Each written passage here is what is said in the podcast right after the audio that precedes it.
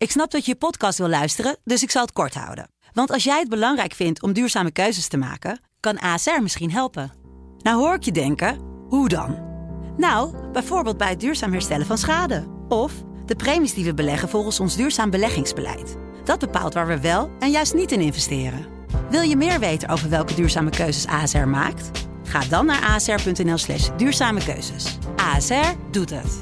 Zo, dan kan je nu lekker naar je podcast luisteren. Deze podcast wordt mede mogelijk gemaakt door bedcity.nl. Dit is de voetbalpodcast Kick-Off van de Telegraaf. Met chef voetbal Valentijn Driessen, Ajax volgen Mike Verwijn en Pim CD. Ja, en een hele goede dag. En voor de inhoud hebben we Jeroen Kapteins eh, ook uitgenodigd weer eh, vandaag. En Gordon, jongens, die gaat gewoon open, hè? Met zijn eh, cafetaria's eh, in Nederland. Oh ja? Ja, is net Die naar wel. buiten gekomen. Die zegt, ik pik het niet meer. Maar ze, ik krijg net een bericht dat horeca dicht eh, Ja, blijft, normaal maar, gesproken. maar Gordon zegt, ik ga gewoon, eh, ik ga gewoon open. Maar hij gaat protesteren dus. ja, uit protest. Ja, nou, ja, Hij kan de boetes goed betalen, dus... eh, Zie je, hij kan de boetes goed betalen. Dat Ja. is natuurlijk ook zo. Ja, ja, ja. inderdaad. Maar over Maar dat... ik vind het wel heel slim van die winkeliers eh, Ja. over dat protest. Ja, Gewoon zeggen dat dit een protest is. eh, eh, het opengaan is een protest tegen de coronamaatregelen. ja, ja. Kan je in ieder geval één dag open. En eh, Jeroen, als alle winkels weer open gaan, ook zonder afspraak, wat is dan het eerste wat je gaat kopen en doen?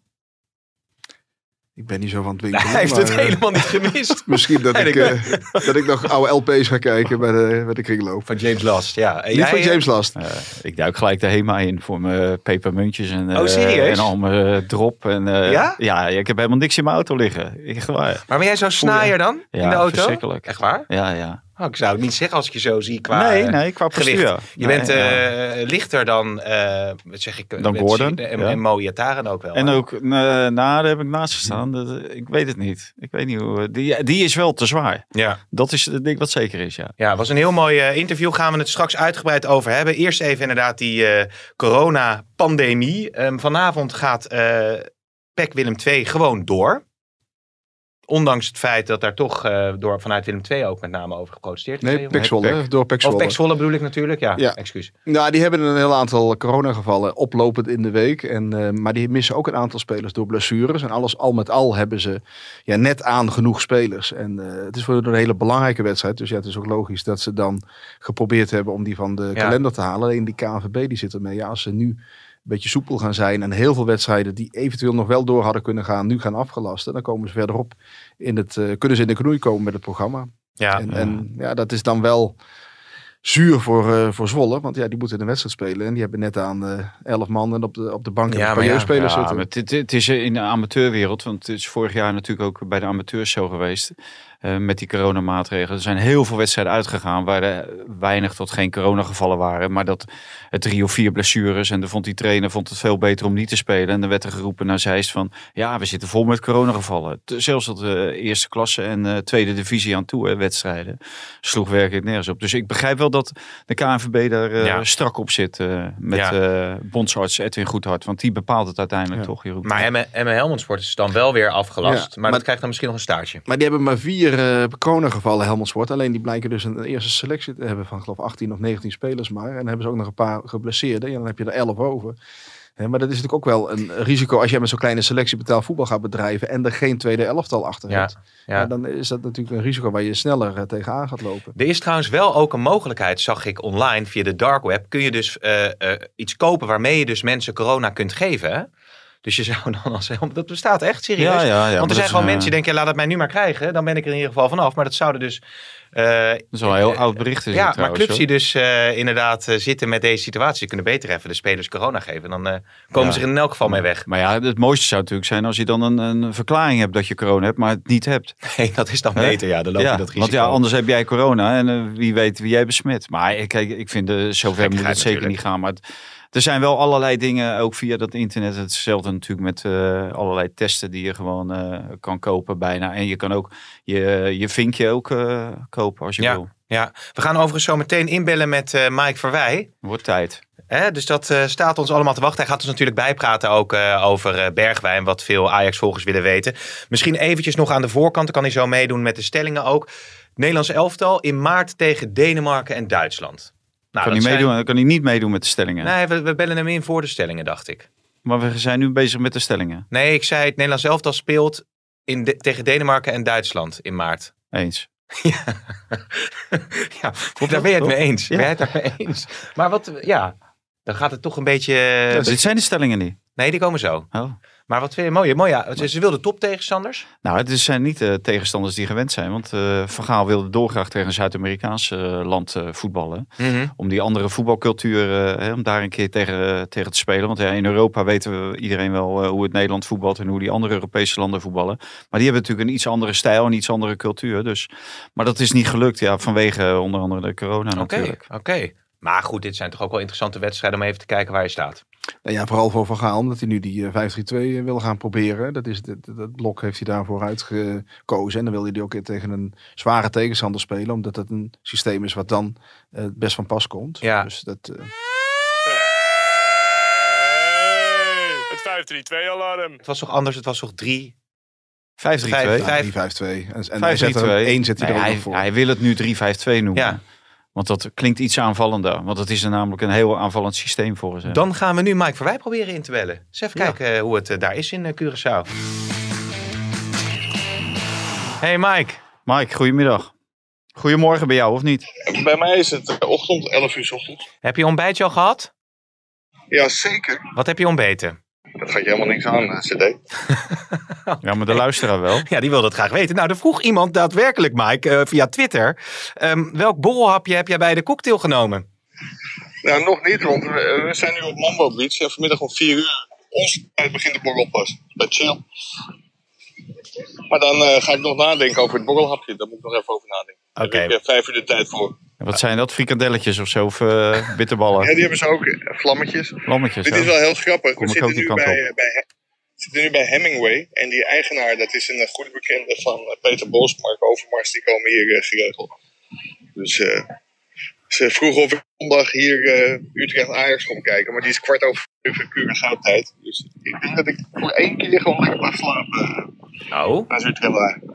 Oh, dat vind ik wel opvallend dan. Ik weet niet of de chef voetbal eh, van eh, de ja, Telegraaf dat, goed vindt. Nee, dat vind, valt me echt tegen. Ja, precies.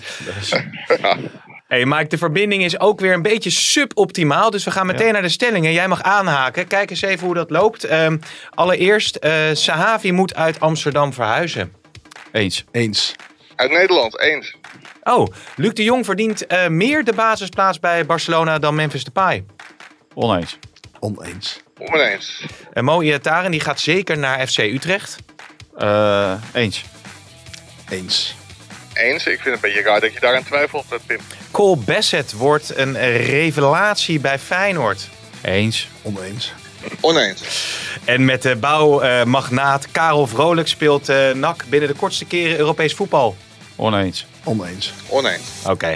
Nou, Mike, eh, ja, fijn dat je er bent in ieder Ja. geval. Het, we moeten nog een we beetje, fijn dat je aan het lijn hing. we maar- moeten nog een beetje de tempo, eh, in het Ja, tempo ja, maar komen. daar- hè, daar ben jij podcast. voor. Daar ben ik dan weer voor. Ja, Ja. maar ja, met, die, met dat uren tijdverschil. Ik, ik denk eh, als Roelof deze podcast eh, naluistert, dat hij niet zo tevreden is over je. Roelof Hemme, eh, beste mensen thuis, die heeft eh, ja, een, een coaching sessie eh, podcast gedaan met hoe het allemaal beter kan. Maar op kick-off had hij weinig aan te merken. Hoor. Nee? Dat, nee, dat, eh, dat was al eh, vrij optimaal. Was eh, vrij eh, hoog niveau. Vrij hoog niveau. hey, maar Mike, eh, praat ons even... Heb je dat Cameron ook gezegd, onze hoofdredacteur? Want ik kreeg opeens een uitnodiging voor een evaluatie van de podcast. Eh, Nee, die hebben wij allemaal niet gehad, joh. Evaluatie? nou, nou, dan is dit waarschijnlijk mijn laatste podcast. Leuk voor de luisteraars ook. Dan eh blijf ik gewoon hier. Uitstekend. Ja, lekker ook als je even op Curaçao zit. Hey, maar Ja, Mike... gelukkig is Cameron ook op vakantie. Dus, eh, Zo is het ook, zo is het ook. Ma- eh, Mike, jij hebt natuurlijk toch het, nodige geschreven, met name over Bergwijn. Iedereen wil weten, hoe zit het nu? Hoe dichtbij is die transfer? Eh, ja, dicht, dichtbij aan de ene kant. Maar aan de andere kant hebben, ze nog wel een aantal dagen nodig, denk ik, om, eh, om die deal af te ronden. Het was ook een voorwaarde dat eh, ja, de, de transfer van David Neres compleet bezet was. Op het dat moment heeft Ajax geld. Ja, en dat geld dat kunnen ze aanwenden om, om Bergwijn naar, eh, naar Amsterdam te halen. Alleen, ik, ik ken Daniel Levi niet persoonlijk, de eigenaar van Tottenham Hotspur. Maar ja, Mark Overmars wel. En als je die twee tegenover elkaar zet, dat schijnen allebei eh, behoorlijke centenneukers te zijn. Dus dat, dat kan even duren. Die willen elkaar geen duimbreed toegeven. Dus dat zal nog wel een hele pittige onderhandeling worden. Ja. Daniel Levi die, die zal proberen het maximale voor Spurs eruit te halen. En Mark Overmars wil zo min mogelijk betalen. En iedereen eigenlijk een beetje in, in zijn loopgraven te wachten tot de ander een actie onderneemt. En daardoor duurt het nu nog even. Het is niet zo dat ze zeggen van Neres is rond, boem, vanmiddag wordt het rondgemaakt. Daar gaat nog wel wat, eh, wat tijd overheen. Waait altijd hè, op die eilanden. Het waait hard op die eilanden. Waar ben jij nu op dit moment, Mike? Ik zit in mijn strandstoel, eh, dus dat, dat kan wel kloppen, Pim. Ja, Ja, maar Mike, joh, je bereidt je toch voor als het in het draaiboek heeft gestaan dat je gebeld wordt. Je bent nauwelijks te verstaan. Ik ben nu eh, weggelopen, maar onder een box is ook niet handig. Dus ik ga even een rustige plek zoeken. Dat is wel een goeie. Oké, oké. Dan stel ik eh, ondertussen even heel rustig de volgende vraag. Want je hebt ook wel eerder in de podcast aangegeven dat er concurrentie is hè, van Spaanse en Italiaanse clubs. Het is in het verleden wel eens gebeurd dat eh, Ajax, ik denk aan Richarlison, dat soort spelers, dat ze die dan op het laatste moment mislopen. Ik denk ook aan Kamaldeen Suleimana. Maar denk je dat dat hier gev- een gevaar is voor Ajax? Ja, kijk, zekerheid heb je nooit. Alleen, er is inmiddels wel dusdanig veel contact tussen Ajax en het management van Bergwijn. Dat iedereen er wel van overtuigd is dat het voor die speler de, beste stap is. Hij wil volgens mij ook, eh, ook naar Ajax toe. Dus ik, ik denk dat eh, als Ajax doorpakt, we een hele goede kans hebben om hem binnen te halen. Alleen dat gevaar ligt natuurlijk altijd op de loer. Komt er een mooiere, grotere club uit het buitenland. Waar hij ook een garantie heeft op ja, niet een basisplaats, maar in ieder geval speeltijd. Dat, dat heeft hij bij Ajax natuurlijk wel. Ja. Dan, eh, ja, dan, dan ligt het op de loer dat hij daar nog voor kiest. Maar Ja. ik denk dat Ajax wel zijn nummer één keuze is. Hey, en als het over eh, Neres gaat, de 12 miljoen eh, op, met oplopende bonussen naar 16 en een doorverkooppercentage uit mijn hoofd. Ehm, je schreef ook in de krant dat er toch wel wat, wat, ja, wat, wat weemoed, we- weet ik niet, maar wat. Ze, ze zullen die jongen gaan missen, hè, bij Ajax. Nou ja, voor, vooral de persoon Neres. Kijk, de voetballer Neres van de afgelopen anderhalf jaar. Hoe, hoe hard dat misschien ook klinkt, zeker naar wat hij heeft bewezen. eh, ja, die zullen ze niet heel erg gaan missen. Het is een, eh, een speler die zich min of meer neergelegd had bij de basisplaats van Anthony. En ook bij de aantal, eh, aantal invalbeurten die hij kreeg, toch, toch niet heel erg spraakmakend was. En ik denk dat Ajax op zoek is naar een nieuwe, hongerige speler. En dat, daar is Bergwijn natuurlijk een voorbeeld van. Ja. Maar Neres in de spelersgroep, ja, je hoeft maar op internet te kijken en je ziet al die filmpjes voorbij komen. Ja, het was een heel graag geziene jongen bij de, bij de club. En ook op momenten dat de spanning heel erg toenam in de selectie, omdat er allerlei beslissingen moesten vallen. Ja, dan was hij wel een speler die gewoon een beetje de sfeer kon, eh, kon, kon laten omslaan in heel vrolijk en ontspannen. Dus Ja. dat is, eh, de- ja, het is, een, eh, het is een bijzondere jongen en hij wordt eh, zeker binnen die spelersgroep van Ajax herinnerd als een hele fijne collega Ja, ja. die, die ook uitstekende wedstrijden heeft gespeeld. Want in de Champions League campagne van 2019, ja, denk aan die uitwedstrijd tegen Real Madrid, dat was misschien wel zijn, zijn allerbeste. Ja, het seizoen was hij top. En achteraf bezien had Ajax hem toen natuurlijk ook voor, voor 47 miljoen aan China moeten verkopen. ja. Hij heeft toch ook te weinig gebracht natuurlijk. Hè? Want het eerste half jaar eh, hebben we hem eigenlijk niet gezien. Toen werd hij zelfs als een miskoop eh, bestempeld. En toen heeft hij inderdaad een, een heel goed jaar gehad. En een aantal goede maanden vorig seizoen. Of twee seizoenen geleden. Toen, eh, toen hij uiteindelijk uitviel bij Chelsea met een blessure. En daarna hebben we hem ook niet meer gezien. Dus het, het Nee. is eigenlijk toch wel een beetje een een- eendagsvliegen. Zelfs ook nog even het nationale elftal van Brazilië gehaald. Maar ja, ik denk dat hij daar nu ver vanaf is. En dat het terecht is dat Ajax hem eh, nu van de hand doet. Ja, Ja. Want hij, hij levert niet. hè, hij zet Anthony ook niet op scherp, zeg maar. Hè, je krijgt geen betere Anthony omdat Neres erachter zit. Nee, nee. En, en dat is met Bergwijn natuurlijk waarschijnlijk wel. Hey, en eh, Mike, Ja. voordat je daar lekker gaat eh, plonzen eh, in, de, in de zee. ehm, qua andere Ajax-ontwikkelingen zijn er nog. want dan spreken we elkaar natuurlijk weer als jij hier terug bent. Zijn er nog andere Ajax-ontwikkelingen die op dit moment spelen? Misschien ook over de keepers? Nee, nog niet. Kijk, Ajax is wel heel erg bezig om Danilo te slijten. Victor Jensen heeft aangegeven dat hij, dat hij weg wil, omdat hij toch... Die heeft onlangs wel zijn debuut gemaakt in de bekerwedstrijd tegen Barendrecht. Maar dat, ja, het is niet zo dat die jongen gewoon heel veel speeltijd in het vooruitzicht gesteld krijgt. Dus die wil weg. Ja, daar zal nu werk van gemaakt worden. Eh, Tagliafico, dat is in principe onbespreekbaar. Ja, tot, totdat er een mega, mega, mega bot op hem komt. Want dan is natuurlijk alles bespreekbaar.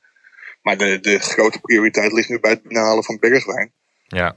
En dan, dan, eh, ja, dan is de transferperiode wat Ajax betreft wel, eh, wel afgelopen. En Onana maakt het seizoen gewoon af hè, bij Ajax. Want er was even wat onduidelijkheid over een vertaald interview uit de New York Times. Ja, in, in principe blijft hij gewoon als tweede keeper achter Pasveer.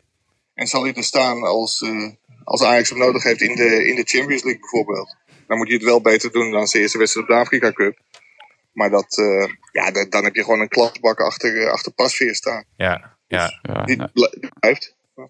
Valentijn, tot slot nog iets? eh, nee, nou, ik, hoop dat Mike wel eh, toch eh, zich ertoe kan zetten om eh, s ochtends vroeg op te staan om Utrecht-Ajax te kijken. Want ja, als we maandag een podcast hebben, hè, dan willen we Mike toch graag weer inbellen. Of, Ja, maar vliegt hij dan zondag terug of hoe zit dat dan? Mike komt voorlopig niet terug. Nee? Tuurlijk niet. Nee, ik ga Die man heeft zo verschrikkelijk veel dagen. Nee, maar serieus Mike, wanneer ben je weer in Amsterdam? Ik kom, eh, ja, dat was wel een hele bijzondere. Ik kreeg vanochtend een mailtje van de KLM dat de vlucht terug op woensdag vertraagd is. En hij vertrekt een uur en een kwartier eerder. Dus dat is ook wel. knap. dus, dus ik moet, Ja. moet, moet even kijken. Curaçao, moet hè? even kijken of dat, of dat klopt. Ja, nee, dit was gewoon de KLM vanuit het hoofdkantoor eh, op Schiphol, denk ik. Maar ik, in principe ben ik donderdagochtend vijf voor zeven ben ik weer in Amsterdam. Dus ik weet niet of Valentijn het wil, maar ik kan s'avonds op Ajax Excelsior maar sluit zitten. Oh, nou goed. Dat is, dat, maar dat is toch alweer... Nee, dus, dat, dat- gaat wel net eh, te ver. Oké, nou Mike, heel veel plezier daar. Wellicht eh, kijken we nog wel eventjes over, eh, over maandag. En eh, nou, ik zou zeggen veel plezier bij je cocktailtje met je, met je vlammetje straks.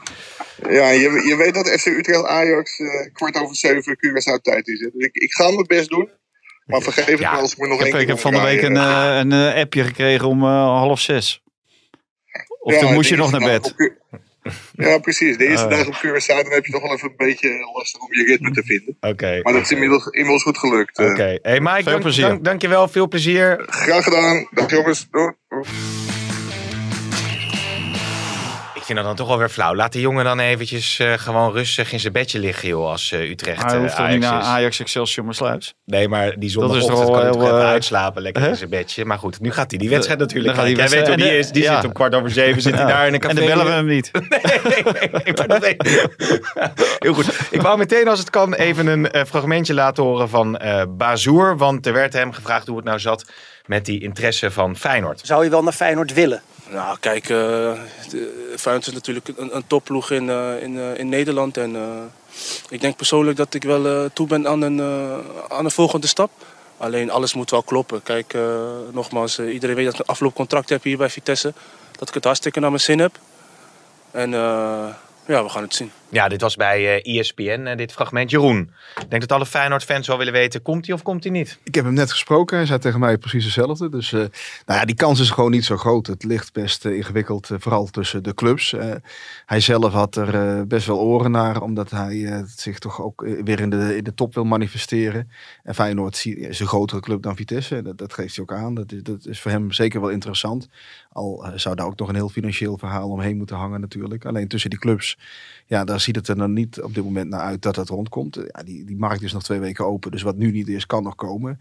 Maar op dit moment eh, is die kans niet eh, groot. Nee. Toch wel opvallend eigenlijk dat eh, Feyenoord... eh, ja, zouden ze niet meer moeten doorpakken? Want als je Bazoer bij je selectie hebt, dan gooi je meteen hoge ogen in de competitie natuurlijk ook. Nou, dat, dat. En je- je weet bijna zeker dat je hem komende zomer niet meer binnen kan eh, hengelen. Eh, want Jeroen zegt, heeft natuurlijk een aflopend contract. En ja, dan moet er veel meer geld op tafel komen. Ook veel meer dan nu. Hè. Je moet nu volgens mij tussen de 2 of 3, 2 en 3 miljoen euro of zo. En dat is natuurlijk voor een hele korte periode. Hij kan natuurlijk sowieso morgen al niet voor je spelen. Als Feyenoord zijnde hebben. En dat is of, eh, Feyenoord Vitesse. En daarna heb je nog drie tot vier maanden. Ja, dan is het die afkoopsom eh, ja, heel behoorlijk. En dan begrijp ik wel dat Feyenoord daar een beetje terughoudend in- is. Alleen aan de andere kant van ja, je moet natuurlijk verder kijken dan deze drie, vier maanden. En daar overheen durven eh, beleid durven voeren. Maar dat, het, is, het is wel een moeilijke afweging. Ja. En ze hebben nu iemand anders uit Amerika gehaald. Maar dat Ja. is natuurlijk eh, een jonge jongen. Dan moet je maar afwachten. En die moet je ook de tijd gunnen. En eh, om te wennen aan het niveau. Want die is dat, eh, dat hol en, eh, en draaf voetbal gewend in, in Amerika natuurlijk. Ja. Dus ja, Afweging van Vitesse is natuurlijk van eh, houden we Bazoer erbij, dan hebben we een grotere kans om weer Europees voetbal te halen. En ze hebben dit seizoen gezien hoe mooi dat kan zijn en ook hoeveel dat kan opleveren. Hè, dus ze willen alleen voor een absolute hoofdprijs. Dat ze zegt dat wordt dat gecompenseerd dat we als we het niet zouden halen, daarvoor willen ze hem laten gaan. Ja, maar dat, dat- is hoe Vitesse er nu in zit. Maar het is natuurlijk een onderhandelingsspel. Kijk, en wat er in die laatste week, eh, hoe dat nog weer kan veranderen, ja, dat kunnen we op dit moment natuurlijk moeilijk zeggen. Nee, maar als je het dan over wie ze wel binnenhalen eh, hebt, hè, dan moest ik denken aan die Nelson die ze ook hebben gehaald. Nou ja, die stond wel bij ons in de krant als eh, iemand die misschien kan gaan verrassen de tweede seizoenshelft. Maar ja, je weet gewoon niet. Van, dat zijn niet spelers Nee. die je per direct beter maken. Nee, Waarschijnlijk. Of het moet echt heel opvallend zijn. nee dat zou Bazoer wel zijn. Ja, precies. Nee, absoluut. En eh, kijk, eh, hij, kan, hij kan straks financieel veel lucratievere dingen gaan, eh, gaan tekenen in, de, in de zomer. En eh, ja, dan zal het voor Feyenoord wellicht toch moeilijk worden om daar dan tussen te zitten. Of Ja. hij moet nog steeds vasthouden aan zijn idee van... Kijk, hij, hij wil heel graag terug in het Nederlands elftal. Daar is alles op, eh, in zijn hoofd alles op gericht. Hè. Hij is al verschillende keren gevraagd om voor Curaçao uit te komen. Dat zou nog kunnen, gezien eh, de, de, het land die Mhm. hij gespeeld heeft op- en de leeftijd die hij toen had. Maar hij wil gewoon terug in Oranje. Dat is zijn, zijn eh, grote doel. En dat is wel iets waar je van, van die denkt. Ja, bij Feyenoord zou dat misschien eh, wel eerder lukken dan, eh, eh, dan misschien bij een club in het buitenland waar ik wat meer uit Ja. ben. Dat Ja. is een afweging die hij wel eh, moet maken. Ja, dat wordt allemaal... dat heeft hij natuurlijk gezien bij Guus Stil. Hè. Dat is wat dat betreft natuurlijk het voorbeeld. Eh, die komt terug bij, bij Feyenoord. Nou, die raakt twee keer verkeerd een bal. En, en die speelt bij het Nederlands ja. elftal. Nou ja, hij scoorde veel hè. de ja, nee, nee, hij het speelt natuurlijk goed. Maar om, om aan te geven, Ja. hè, in Duitsland komt hij niet aan de bak. Nee. In Rusland komt hij niet aan de bak. En die komt bij Feyenoord. En die speelt twee maanden later speelt hij gewoon in het Nederlands elftal. Ja. Dus, en dat heeft die jongen natuurlijk ook voor, voor ogen. En dat begrijp ik heel goed. Dus als hij inderdaad... Ja, als als hij dan ergens in It- Italië, bij Sassuolo of zo, zoiets eh, terechtkomt, ja, dan ben je voorlopig uit beeld. Hij is nu, zelfs bij Vitesse, is hij niet in beeld. Nee, Dus, nee. eh, nou, je legt zelf de link naar Sassuolo dan. Maar als van Sassuolo is het een kleine stap naar Sampdoria. Hè? Ja. Want jullie hadden eh, een, een, een, ja, toch een prachtig interview met, met Iataren. Ehm, ja, het is onge, onge- ja, ik Samen met Robin Jongmans. met Robin Jongens was dat natuurlijk, ja. Ik heb daar eh, met ongeloof eh, toch ook wel eh, naar gekeken. Wat die jongen allemaal meemaakt daar in Italië. Ja, en ik heb met ongeloof eh, aangehoord, zeg maar. Tenminste, ik, denk, ik dacht ook van, ja, dat dit nog mogelijk is hè, in de leven 21ste eeuw. Zo is het. Ja, dus, en dan denk je ook dat de, begeleiding van, van clubs, want daar hebben ze altijd de mond van vol natuurlijk. Maar ik sprak net Wim Kieft ook en die heeft natuurlijk een beetje in hetzelfde schuitje gezeten. Die is natuurlijk ook naar Italië gegaan en die zegt ook van ja, bij, bij dat soort clubs word je inderdaad ook aan je lot overgelaten. Je bent de aankoop en eh, ja, daar moet je echt voor jezelf, zou je het moeten doen. Ja. En dat is die jongen natuurlijk ook overkomen. Wat natuurlijk, ja, hij is natuurlijk op de allerlaatste dag van PSV naar Juventus gegaan. Hè? De 31 augustus, meen ik. En eh, ja, dat is natuurlijk niet uit luxe. Eh, dat was niet omdat Juventus hem nou zo dolgraag wilde. Hè? Dat blijkt ook wel uit de transfersom van eh 1,9 miljoen euro. Dus en daarna eh, kreeg hij ook door dat hij direct zou doorverhuurd worden naar Sampdoria. Ja, en dan, dan kom je daar en dan weet je ook helemaal niet of je gewild bent. En het is wat hij ook zei. Ze wisten niet nou of hij linksbenig of Nee. rechtsbenig was. Nee. En zo voelde hij dat ook. Zo heeft hij dat ook daarna ook gevoeld. Nou, dan, dan komt er geen salaris. En er wordt gezegd, ja, dan moet je twee of drie Ja, maanden wachten. Want twee dat, is, maanden, want Ja. dat is heel normaal. Maar ja, dat, dat, is- dat staat niet in het contract. En eh, dus, dus ja, die jongen die gaat daarom vragen. En eh, nou, die wil, die wil graag een bankrekening. En eh, ja, dan moet je alles zelf regelen. Ja, en dat, dat is hem eh, zo zwaar gevallen. Maar je moet ook eh, zelf in de spiegel kijken. Hè. Je kan je er ook overheen zetten. En je kan zelf iemand eh, inhuren of laten komen. En om dat te doen en er vol, vol voor te gaan. En er zijn natuurlijk Ja. altijd twee kanten aan, aan zo'n verhaal. Maar het feit is, die jongen is natuurlijk pas 19. Ja. En we hebben gezien hoe snel het is gegaan bij PSV in opwaartse zin. Maar ook hoe snel het Ja. is... hè, hoe snel in een negatieve spiraal is gekomen. Ja. En eh, ja, wat ik, wat ik wel op, opvallend vond was eh, dat eh, Mino Raiola, die heeft natuurlijk nou ja, met Bobby dat verhaal. Mickey van der Ven, die is, er zijn heel veel spelers, Mhm. die zijn gewoon op doodspoor. En deze jongen die, die kwam dan in Italië alleen aan. En vervolgens met een taxi een dag later naar Genua. Terwijl ja, Mino stond natuurlijk vooraan toen Matthijs de Ligt werd gepresenteerd.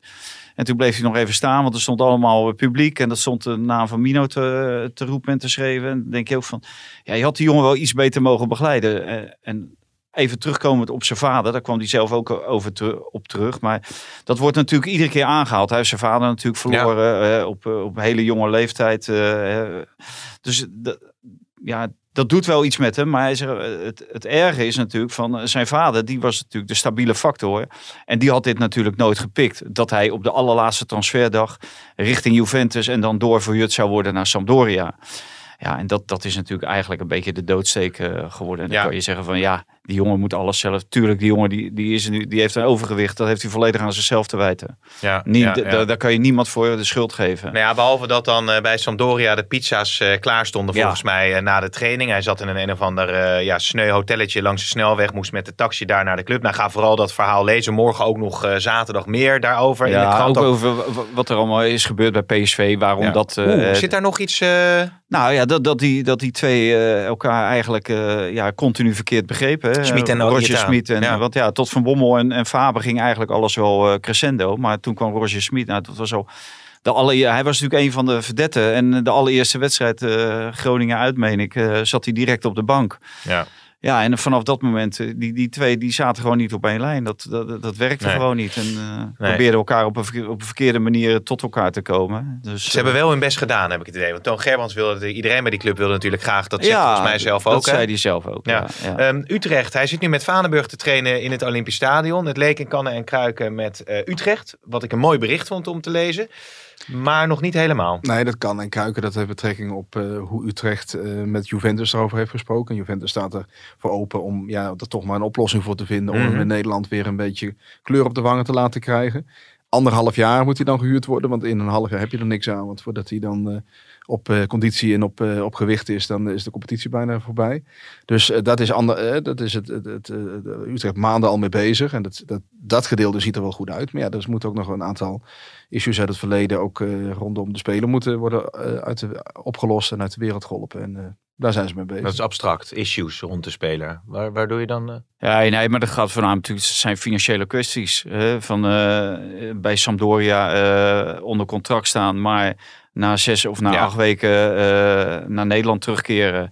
Ja, eh, over salaris en dergelijke. En wa- wat, wat is voor Juventus, wat is voor Sampdoria?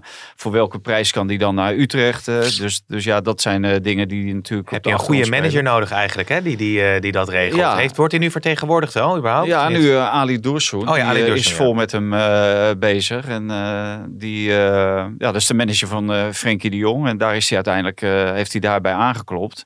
Ja. En ja, hij, hij is vol bezig. En ja, ik hoop dat die jongen het volhoudt. Het is treurig natuurlijk te zien om zo'n groot talent. Hè, en ik schreef vanochtend uit mijn column ook van ja, eh, laat Nederland deze jongen verzuipen of niet. Of pak je hem bij, eh, bij de hand. En, of ga je in ieder geval alles met z'n allen proberen. Want ja, twee jaar geleden eh, stonden we natuurlijk allemaal op de banken. Liepen we allemaal de Polonaise achter hem. Mhm.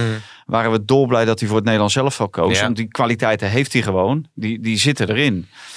En eh, ja, en vooralsnog eh, laat iedereen hem nu natuurlijk eh, eigenlijk vallen. ja, Utrecht heeft het kunstje een keer eerder geflikt natuurlijk. Zakaria Labiat had al een hele tijd niet meer gevoetbald. Kwam met zwaar overgewicht binnen.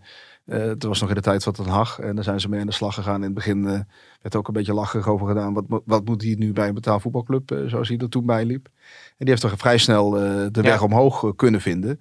En dat is het idee wat ze nu bij Utrecht natuurlijk ook weer hebben. Als dat weer lukt met eh Iatare. Labiat is toen voor een heel mooi bedrag uiteindelijk verkocht aan Ajax. Ja, dan is dat natuurlijk een speler met kwaliteiten ja, die, die bovengemiddeld zijn voor een club als FC Utrecht.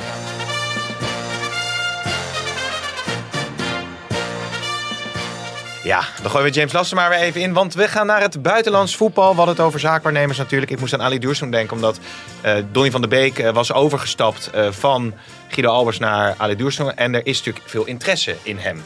Oh ja? Ja, want ik eh, zag dat Everton, eh, zeg ik dat nou goed? Nee, Newcastle, Newcastle Dortmund. werd, eh, ja, maar het werd gezegd dat er zijdelings geïnformeerd was, maar nog geen concrete interesse. Nee, nee, dus, maar dat, dat hij daar op het doodspoor zit, dat weten we al anderhalf jaar. Ja, nieuwe trainer. Je zeggen van, nou, er moet inmiddels al wat beweging in komen. Ja. Nou Ja. ja. ik denk dat het gewoon een heel moeilijk verhaal wordt voor, eh voor eh, Donny daar bij eh, Manchester United. Eh, van, de, van de week speelden ze weer met McTominay, geloof ik. En, en dan weer met Fred. En eh voor mij mocht hij even invallen, Ja, eh, ja. Donny. Dus, eh, Dus ook met een nieuwe trainer wordt dat geen succesverhaal. Er zoveelste vanuit de eredivisie die in de eredivisie het heel goed doet. En dan in Engeland eigenlijk niet of nauwelijks tot wasdom komt. Ja, Ziyech ja. is dan een, een, eh, een beetje de witte raaf. Maar we hebben, hè, Blind was natuurlijk ook geen groot succes. En eh, we hebben natuurlijk een heel aantal achter elkaar. Ja, dus ja. ik denk dat... Ja, De- Daly die heeft nog wel de Europa Cup gewonnen en zo. Maar eh, ja, zie ik toch ook, Jeroen, dat valt toch ook tegen het aantal speelminuten wat hij... eh, hè, bij Ajax was hij onomstreden. En was hij gewoon, eh hoorde hij tot de Europese top ja, ineens. ja, En eh, nu zit hij daar voornamelijk op de bank. ja, ja. Te veel. En afgelopen jaar is er maar eentje vanuit Nederland naar Engeland gegaan. Alleen Scherpen. En Ja, die is dan eh, voor de reservebank. Dus eh, het geeft wel aan dat de, de, de status van de Nederlandse spelers in Engeland eh, toch wel talende is. El Ghazi leek natuurlijk een speler die het bij Aston Villa eh, heel goed deed. Toch een eh, slecht seizoen tot nu toe. Eh, naar Everton, ja, dat is voor hem dan denk ik wel een goede, goede move. Ja, als hij maar aan spelen toekomt. Ja. Hè? Die jongens moeten vooral aan spelen toekomen. Maar als hij aan spelen toekomt, dan is sta- is staat hij ook zomaar op het lijstje bij het Nederlands elftal. Zijn naam werd al een keer genoemd door eh, Van Gaal. En toen ze- deed hij een paar keer deed hij mee. Toen deed hij het ook aan, scoorde hij ook een keer. En ja, daarna is hij weer op de bank beland. Maar misschien dat hij bij Everton dat hij wel eh, aan, de, aan de bak komt. En Ja. dat hij het kan laten zien. Want het gaat er even om die rechterkant natuurlijk. Daar Ja. moet toch wel gebeuren bij het Nederlands elftal. Behalve als je 3-5-2 speelt. Het 5-3-2-alarm. 5-3-2. Ja, zo is ja, het. Ja. Hey, en, eh, Maar kijk, eh, dat is ook wel leuk, want Jeroen die merkte terecht op. Hij wil graag oefenen natuurlijk, Louis Vergaal, met 5-3-2. Mhm. En, en, eh, maar hij zou het nog met de spelers gaan eh, overleggen. Hij ging ze nog overtuigen, zei hij. Nou, dat moment is nog niet aangebroken. Dus dan weet je wel eh, dat dat gewoon een wassen neus is. Hè, dat Oh. hele overtuigen. ja. Dat wordt gewoon gedaan. En dan hoor je van inspraak. En ik ga met die jongens om de tafel. Dus ga er maar vanuit dat er gewoon eh 5-3-2, wat die spelers ook willen. En als we dan naar Barcelona gaan, Jeroen, dan zie je de laatste tijd iets heel opvallends gebeuren. Nou, het is misschien ook wel logisch dat Memphis Depay nog niet helemaal fit is. Maar ze beginnen met Luc de Jong. Nou, die scoort ook eh, tegenwoordig geregeld. En dan, dan wordt hij gewisseld, komt Memphis Depay erin. En dat is nou niet de impuls die dan eh Barça naar overwinningen helpt. Hè? Want ook in de Classico verloren ze uiteindelijk. Ja, geen goede ontwikkeling voor eh, het Nederlands elftal. Er zijn er voorlopig dan geen interlandse programma. Maar de Pa is natuurlijk de belangrijkste international. Dus wel handig als die het goed blijft doen en een beetje zijn draai he- eh, gaat vinden daar bij Barcelona. Ja, Luc de Jong, ja, het is, het is, een, het is een jongensboek. Ja, en hoe lang het duurt, ja, dat, eh, dat zal iedereen moeten afwachten. Ja, Dat hij daar, eh, ja, eh, dat hij daar nu een paar keer scoort, is voor hem persoonlijk hartstikke mooi natuurlijk. ja, ja, ja precies. Ja, maar het is wel opvallend dat eh, nu lees je ineens dat Xavi de Jong niet wil laten gaan en de Pai wel wil laten gaan. Ja, ik begrijp wel eh, hoe ik het, Luc de Jong als hij in de basis staat en het meevoetballen en dergelijke, ja, dat is niet van het niveau Barcelona. Maar eh, van de week hoorde ik dat ook ergens en daar was ik het ook wel mee eens. Eh, hij is natuurlijk gehaald als pinchitter. En als je hem op die manier gebruikt, dan is hij natuurlijk best, eh, kan hij best waardevol zijn Ja. voor Barcelona. En dat was een speler die ze natuurlijk heel vaak miste. Dat je af en toe naar Barcelona keek en de laatste tien minuten moest er gescoord Piqué worden. moest dan mee naar voren En dan moest. Piqué naar voren. En dan, daar heb je nu Luc de Jong voor. Maar Ja. de, de basis is echt een beetje... Dat is eh, iets te hoog gegrepen voor hem. Uiteindelijk zeker voor het niveau waar Barcelona heen wil. En ik moet wel zeggen, ik zie het wel steeds vaker. Ik krijg dan weer voor mijn voeten geworpen van jou waarschijnlijk. Ja, nou, ik zie het aan- lekker aan de resultaten. Maar Ja. uiteindelijk als dat voetbal komt... Dan komen die resultaten vanzelf Ah. wel. En ik voel wel aan dat die spelers, want nu kwam die P3's, zag je weer, Ansu Fati. Ja, die hebben natuurlijk wel Ja. kwaliteiten. Ja, dan wou ik graag affluiten. Afsluiten. Heel slecht grapje. Maar dat was namelijk in de Afrika Cup, hè? Oké. Want een speler, die floot, of een eh, scheidsrechter, die floot gewoon in de 85 minuut Maar, af. Heb je dat niet meegekregen? Maar daar zit jij grap over te maken, terwijl die man gewoon een zonnesteek had. Is dat zo? Oh, Dat het was gaat om reden. Janni Sikaswe. Nee, maar hij heeft twee keer afgefloten, hè, te Ja. vroeg. Ja, Het gaat maar- over eh, Mali, eh, had met een of andere Tunesië gewonnen in de Afrika Cup. Ja, uiteindelijk won ze met 1-0. Ja. Maar eh, hij floot eerst floot hij 10 minuten voor tijd. Floot al. minuten voor tijd. De 85 minuut en daarna nog En- eens in de 89 e minuut. En dan zouden zeker 6, 7 minuten aan extra tijd eh, Ja. Ja. bijgetrokken moeten Maar worden. had hij zonnesteek? Ja, dat, eh, dat, dat was de verklaring van de CAF, hè, van die Ja. Afrikaanse voetbalbond. En Ja. eh, de man was, viel niets kwalijk te nemen, maar die komt natuurlijk niet meer aan de bak. Maar het, het vreemde was dat eh Tunesië kreeg de mogelijkheid om uiteindelijk nog die zeven minuten uit te spelen. En toen stond voor mij Mali stond op het veld. En die stond 1-0 voor. Maar die Tunesiërs die kwamen die de kleedkamer niet spelers meer uit. zaten in het ijsbad en eh, die, eh, ja, die hadden de schoen al uit en eh, die zaten de spieren. Rustig rustig te geven. Dus toen werd er ineens alsnog die paar minuten zouden gespeeld moeten worden. Daar hadden ze toen geen trek voor. in. En je had eh, dat... hadden beter die vent eh, in het ijsbad kunnen delen. Als hij een zonnesteek had in Ja, inderdaad. in de rust. Het is wel lastig als scheidsrechter in Afrika als je gevoelig bent voor zonnesteek. Ja, Ja, nee, ook dat, Jeroen. Ja, dat is wel waar. En het eh, verkeerde volkslied werd geloof ik ergens ook nog eh, ingestart. eh. Mauritanië, daar werd eh, twee keer een ander nummertje Ja. ja. tegen horen gebracht. En maar we hebben de, de traditionele tackle, die hebben we toch al wel gezien, hè? Na vijf seconden. Heb ik eh, nog niet eh, gezien. nee. Die openingswedstrijd niet Nee. bij Cameroen? Nee. Ja, werkelijk waar. Tackle nou, Op- op- binnen op, 20 seconden of 23 Op seconden. kniehoogte. Ja. Ja, ja. Ja, steeg goed, steeg goed. En wat ik ook nog opvallend vond Gele trouwens, kaart, hè, maar. Gele kaart. Eh, Burkina eh, Faso heeft een belangrijke stap gezet in de richting van de knock-out fase. Want eh, de Burkinezen waren in eh Yaoundé met 0-1 te sterk voor Jeroen. Yaoundé. Kaapverdië. Yaoundé. En de matchwinner was Ja. Hassane Bandé. Goh, Hey. de spin weer bij zijn Ajax. Goh, goh, goh. Ja, Terughalen nu. ja hè? dat is toch... Ja. eh, ja, Wat nou Heeft Ajax ook Bergwijn? nog eens een keer heel veel geld voor neergeteld. Wat was dat? Ja. Ook wel 8, 8 miljoen 9 of zo? geloof ik. Ja, van ja? Mechelen? Ja. Ja, Als je dat bij elkaar optelt, eh, spelers waar eigenlijk heel veel voor heeft betaald en die eh, niet veel hebben opgebracht, dat is ook wel een aardig bedrag geworden. de Ja, net wie zeggen, want er wordt altijd natuurlijk gekeken naar wat er wel is opgehaald. Maar ook inderdaad wat Jeroen zegt. En eh, de gemiste transfers, hè, bijvoorbeeld bij Neres. Of, of Magalan, of eh, ja, Ja, dus- wel een... eh, Ja, maar, maar, maar bij, die speelt bij Anderlecht trouwens wel in de basis nu, eh, kreeg ik mee. Maar als het gaat over eh, die Neres, hebben ze het, eh, dat gaat elke over dat ene Chinese bot. Maar Ja. daarvan kun je toch in feite ook afvragen, hoe serieus was dat bot nou? Van 47 miljoen, Ja, dat of was een wat. serieus bod. En toen, eh, la- die Chinezen, die deden toen nog alles aan om die competitie een lift te geven. En hè, het Chinese voetbal van, eh, moest eh, op de kaart komen, want ze Ja. willen het WK organiseren. Maar ja. Daar is nu natuurlijk wel paal en perk gesteld. Want daar gaat natuurlijk helemaal niemand meer heen. Want op het moment dat jij een tattoo hebt, kom jij eh, het land niet in. Is dat zo? Nee, ze willen geen, in, de, eh, in de hoogste liga willen ze geen eh, mensen met eh, tatoeages Is dat zo? zien. Oh, Ja. Wist je dat, Jeroen?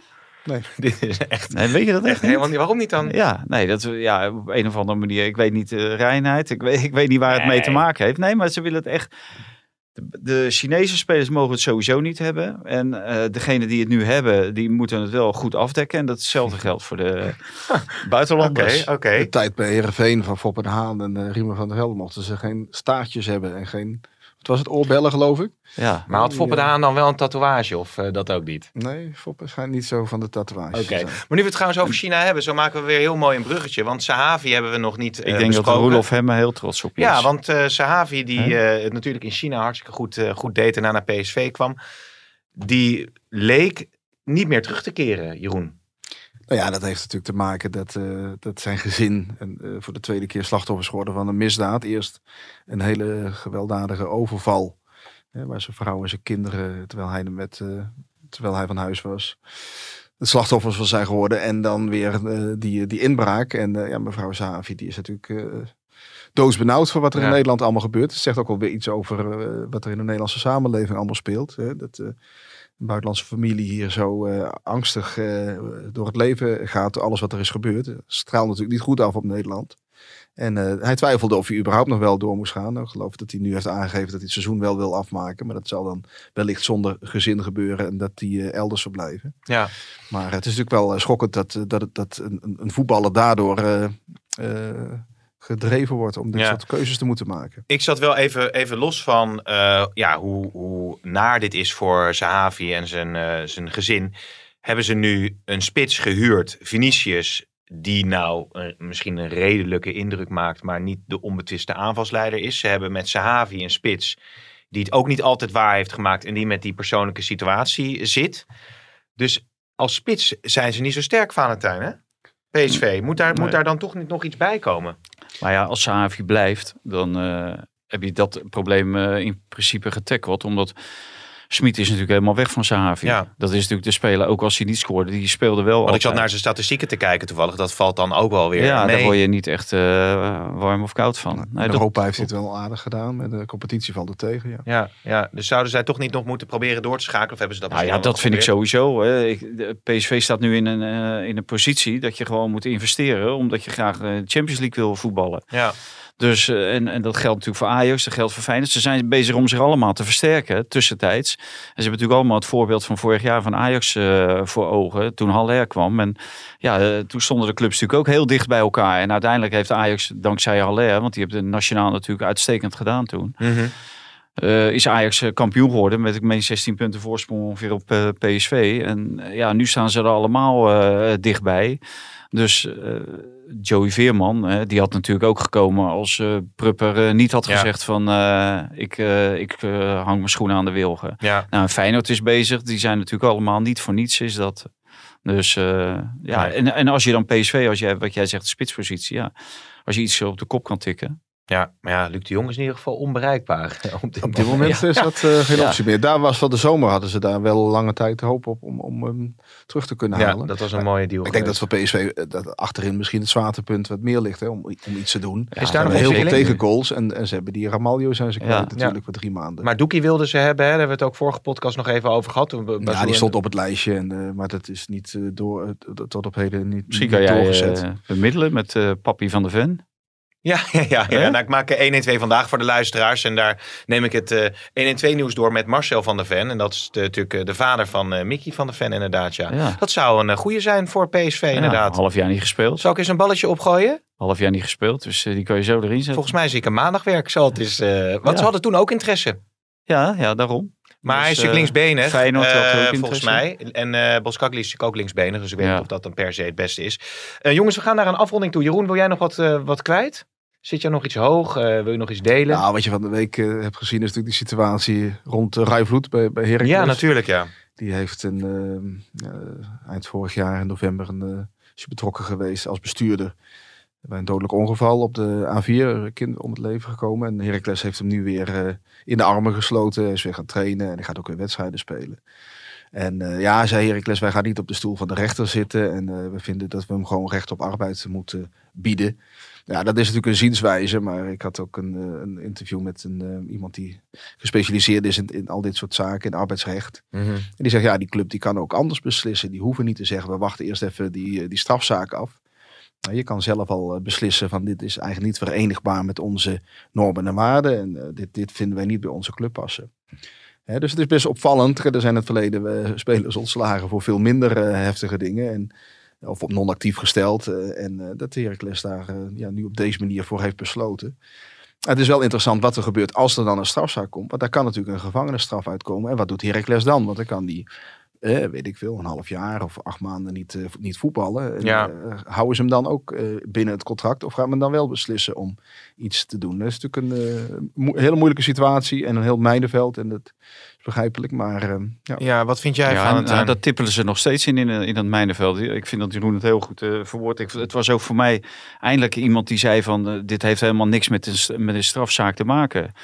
Dat, dat kan wel eh, te maken hebben met die strafzaak. Maar dan te zeggen van ja, we wachten af tot de strafzaak is geweest. Ja. Alvorens daar... Nee, je hebt ook een, een bepaalde... Hè, welke normen en waarden vertegenwoordig je als, als club zijnde. Dus dan hadden ze daar beter... eh, ja, ik, ik vind dat je op dat moment afscheidt. Want die jongen die stapt eh, met...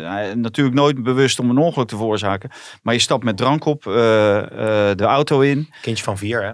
Een kindje van vier overleden. Nou, Ja. dan, dan zou ik zeggen als club... hè, maar dit is toch... eh, niemand zal het hardop zeggen. Zeker niet bij Heracles. Maar dit is de voetballerij natuurlijk ten voeten uit. dit gaat om geld. Eh uh, Rijvloed die vertegenwoordigt een, een groot kapitaal voor eh Heracles. En misschien dat hij nu nog een half jaar kan voetballen. En dan laten ze hem voetballen. En dan, dan komt op een gegeven moment komt die zaak een keer voor. En wat er dan ook gebeurt. En dan, dan verkopen ze hem. Nou ja, als jij onder invloed eh, van drank eh, zo'n Ja. ongeluk veroorzaakt, kan je inderdaad ook nog wel een stevige straf natuurlijk. eh, Ja, ja, ja. Maar er, er wordt ook eh, gezegd van ja, het kan iedereen overkomen. Dat lees ik ook ergens. Hè? En dan eh, de zogenaamde kennis. Nou, natuurlijk kan. eh, maar op het moment dat jij met drank op. Nee, Ja. het kan niet iedereen overkomen in die zin dat niet iedereen met drank achter Juist, het stuur gaat exact. zitten. Overigens zie ik inderdaad ook de Vereniging van Verkeersslachtoffers ook zeggen, nou wacht in ieder geval die rechtszaak af. Ja, nu, En- nu en- na, en- nadat ze dit besluit hebben ja. genomen. Maar, maar dat, je staat er ergens als club voor, toch? Ja. Eh, eh, John eh, Stegeman vorig jaar bij eh Pek Zwolle, eh, nou, dat vond ik ook, die moest gewoon afscheiden.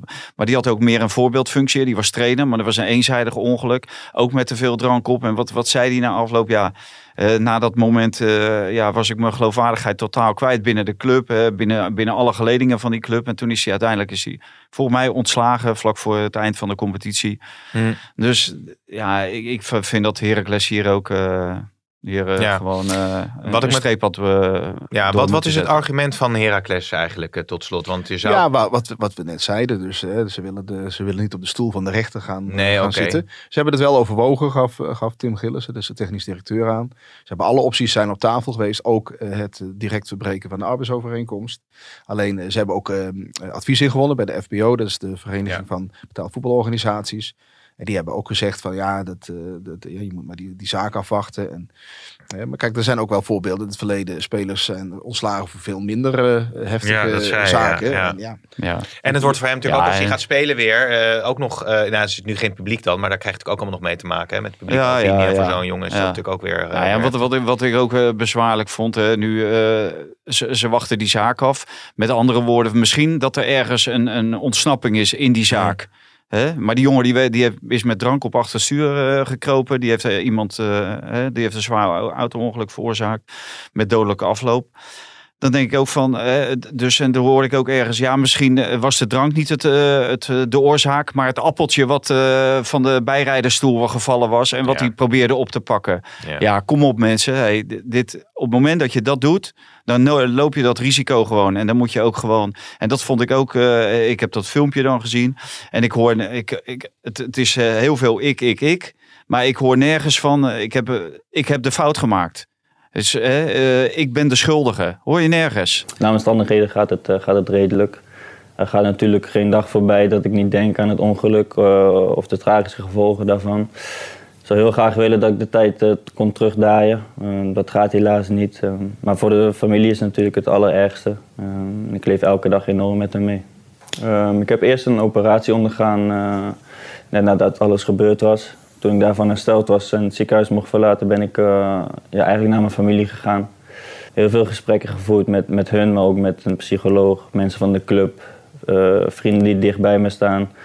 En vervolgens eh, ben ik weer gaan trainen met een, met een personal trainer. Zeg maar veel meer de hand in eigen boezem steken. Nou, dat, dat vond Ja. ik. eh, ja, dat, dat stuitte mij wel erg tegen de borst. We gaan eh, met dit eh, trieste verhaal toch naar de afronding. Ja, de Vrolijk gaat dus nak redden. Hè? Dat had ik nog gehoord. Vrolijk gaat dak redden. Ja, nou, die zo bouw- triest. Die, die, die, die, bouw, Ja. die bouwmagnaat, inderdaad. Karel Vrolijk. Ik, ik denk niet dat Roelof hem met deze over dit Was dit- bruggetje... was dit te dit, abrupt? Dit bruggetje Ik wil onze luisteraars toch nog na een beetje... ons Heracles verhaal en dan over vrolijk beginnen. Ja, Dat, eh, nee, oké. dat, eh, ik ga nog even oefenen. Laten we hopen dat het de Frans van Zeumeren van eh, Breda wordt. Hè, want die club is al lang eh, zoekende naar een eh, goede en rustige situatie. Met heel veel verschillende eigenaren. En, eh, misschien dat er eindelijk eens iemand echt de schouders onder Ja. zet. En, eh, en die club eh, een beetje wil gaan dragen. En zo redt Jeroen mij weer aan het einde van deze podcast. Jeroen, hoop dat Valentijn, Mike snel bedankt. terugkomt. En we spreken Mike ook vast binnenkort weer. Dag. Deze podcast werd mede mogelijk gemaakt door bedcity.nl.